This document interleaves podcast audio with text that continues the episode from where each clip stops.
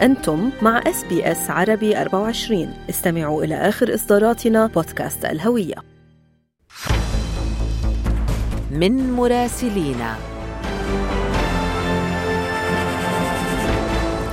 أهلا بكم في رحلتنا الأسبوعية إلى الأراضي الفلسطينية. أنا بترا توق الهندي وتنضم إلينا مراسلتنا من الأراضي الفلسطينية راما يوسف للإضاءة حول أبرز المستجدات على الساحة الفلسطينية. صباحك خير راما. يسعد صباحك بترا ويسعد صباح جميع المستمعين. راما خلينا نبدأ مع مشهد التظاهرات المستمر في الشارع الإسرائيلي وسط الانقسامات وماذا أيضا عن قرار تنفيذ عقوبة الإعدام بحق حق منفذي العمليات. فعلا يعني بترى انقسامات عميقة في الشارع الإسرائيلي وباتت المظاهرات بكافة أشكالها وأماكنها ظاهرة متكررة في الأسبوع الماضي أيضا وإلى جانب التظاهرة التي أصبحت تحدث بشكل أسبوعي في مدينة تل أبيب. كان هناك ثلاث مظاهرات أخرى في مناطق متفرقة من مدينة القدس وأيضا خارجها. أما التظاهرة الأكبر والتي احتشد خلالها عشرات الآلاف من المتظاهرين المناهضين للحكومة ولقرارات نتنياهو تحديدا في شوارع تل أبيب في أحد أكبر الاحتجاجات في إسرائيل والذي بدأ منذ تسعة أسابيع حتى اليوم. أقامت الشرطة الإسرائيلية الحواجز على الطرق لمنع المتظاهرين من الوصول إلى طريق ايالون السريع وهو أحد أهم الشوارع الرئيسية في إسرائيل لكن البعض اخترق هذه الحواجز وسد الطريق كما كما أيضا تم القبض على ما لا يقل عن 18 متظاهرا فيما شارك أكثر من 30 ألف شخص في هذه المظاهرة التي نظمت في مدينة حيفا شمال إسرائيل. برز أيضا بين المتحدثين في كافة هذه التظاهرات رئيس الوزراء الإسرائيلي الأسبق ايهود باراك الذي وصف قرارات الإصلاح وأيضا هذه القرارات التي سيتم الحديث عنها في الكنيسة في الفترة المقبلة بأنه اغتيال لإعلان استقلال إسرائيل وأنه خطوة ستحول ستتحول لإسرائيل بالتأكيد إلى ديكتاتورية. هذه التظاهرة أيضا امتدت لتصل إلى سلاح الجو الإسرائيلي الذي عارض التعديلات القضائية في تطور جديد يدل على عمق الأزمة التي وصلت إلى الجيش لأول مرة في تاريخ إسرائيل.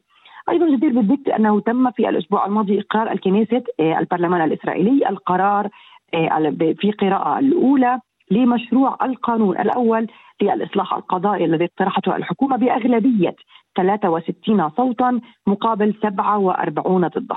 كما وأقرت الحكومة أيضا قرارا بتنفيذ الإعدام بالقراءة الأولى على منفذي العمليات الفلسطينيين بدواعي قومية تجاه الإسرائيليين.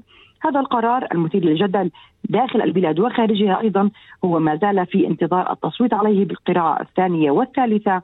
ليتم إقراره أو استبعاده. رما دعينا ننتقل إلى آخر التطورات الميدانية في الضفة الغربية، المواجهات مستمرة وما الجديد بخصوص الاعتصام التضامني من أجل الأسرى الفلسطينيين في السجون الإسرائيلية. فعلا يعني أسبوع مشتعل آخر في الضفة الغربية بدأ بحوارة ومواجهات يومية ما بين المستوطنين والفلسطينيين القاطنين في هذه المنطقة نجم عنها عدد من الإصابات بالاختناق وأيضا بالحجارة. وفي مدينة أريحة ننتقل لمدينه أريحة حيث قتل مستوطن بعمليه إطلاق نار نفذها فلسطيني وقتل فلسطيني أيضا في مخيم عقبة جبر. في أريحة بعد اقتحام المخيم من قبل الجيش الإسرائيلي كما اعتقل فلسطينيين آخرين. التوتر والاشتباكات سيدت الموقف في الضفة الغربية. أيضا امتدت لمنطقة قلقيليه التي قتل فيها طفل فلسطيني بنيران إسرائيلية وتوزعت المواجهات والإغلاقات بعد ذلك في كامل المدن الفلسطينية كما شملت القدس التي شهدت مواجهات عديدة هذا الأسبوع في مناطق العيسوية شعفاط سلوان وجبل المكبر وغيرها الكثير.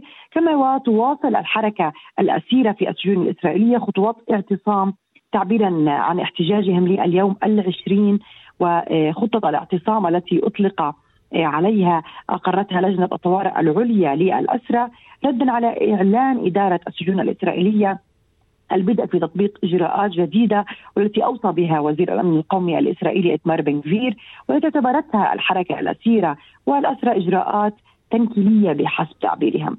هذا وتم إطلاق الدعوة من قبل الحركة الأسيرة لمسيرات غضب واسعه يوم الثلاثاء المقبل في كامل الضفة الغربية والقدس وغزة تضامنا مع الحركة الأسيرة والفلسطينيين في السجون وإجراءاتهم. واعتصاماتهم راما يعني. رغم كل ما يحدث يبقى الحب هو المواجهة الأكبر.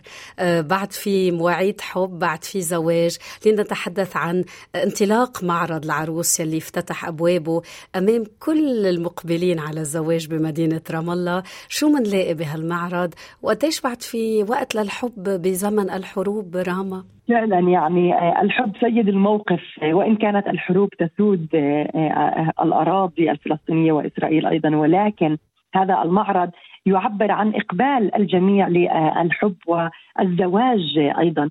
هذا المعرض معرض العروس افتتحته شركة دينا إيفنت بنسخته الرابعة على التوالي في فندق الميلينيوم بمدينة رام الله. قدم هذا المعرض كل ما يحتاجه العرساء المقبلين على الزواج. تحت سقف واحد وهو يعتبر رسالة فرح لشعبنا في موسم الأفراح ونحن مقبلين على فصل الصيف والموسم الذي تكثر فيها الأعراس والمناسبات. شارك في هذا العام عروسين راسم وعايدة اللذين لم يكتمل فرحهما فرح زفافهما أو حفل الزفاف بسبب إغلاقات كانت في مدينة نابلس مسقط رأسيهما. هذا المعرض الذي امتد على مدى ثلاثة أيام شارك فيه مئات الشركات ومنسقي الأعراس وأصحاب الفنادق والشركات السياحية أيضا وجد نجد فيه كل ما تحتاجه آه، العروس وأيضا آه، العريس من تنسيق للورود والموسيقى بدلات للأعراس وغيرها الكثير من مستلزمات إقامة الأفراح. تخلل هذا الافتتاح عروض الأزياء الشعبية والفساتين الرسمية وفساتين الأعراس وأيضا البدل الرسمية للعرسان وأيضا عرض غنائي لعدد من الفنانين الفلسطينيين في أجواء طغى عليها البهجة، الفرح، الرقص، أيضا آه، الزفه آه، الشعبية والدبكه الشعبية الفلسطينية، ليكون معرض العروس في عامه الرابع مقصد العديد من المقبلين على الزواج وأيضا محبي عروض الأزياء والمأكولات الشعبية والملبوسات الشعبية أيضا. ليبقى الحب هو سيد الموقف. شكرا من قلبنا لك راما يوسف.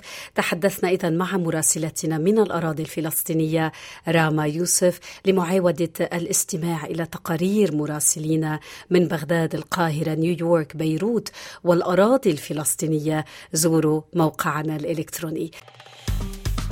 استمعوا إلى آخر إصدارات SBS عربي 24 على جميع منصات البودكاست. تابعوا بودكاست الهوية في موسمه الثاني الذي يروي قصصا واقعية تعكس تحديات الانتماء التي يواجهها الشباب العربي في أستراليا.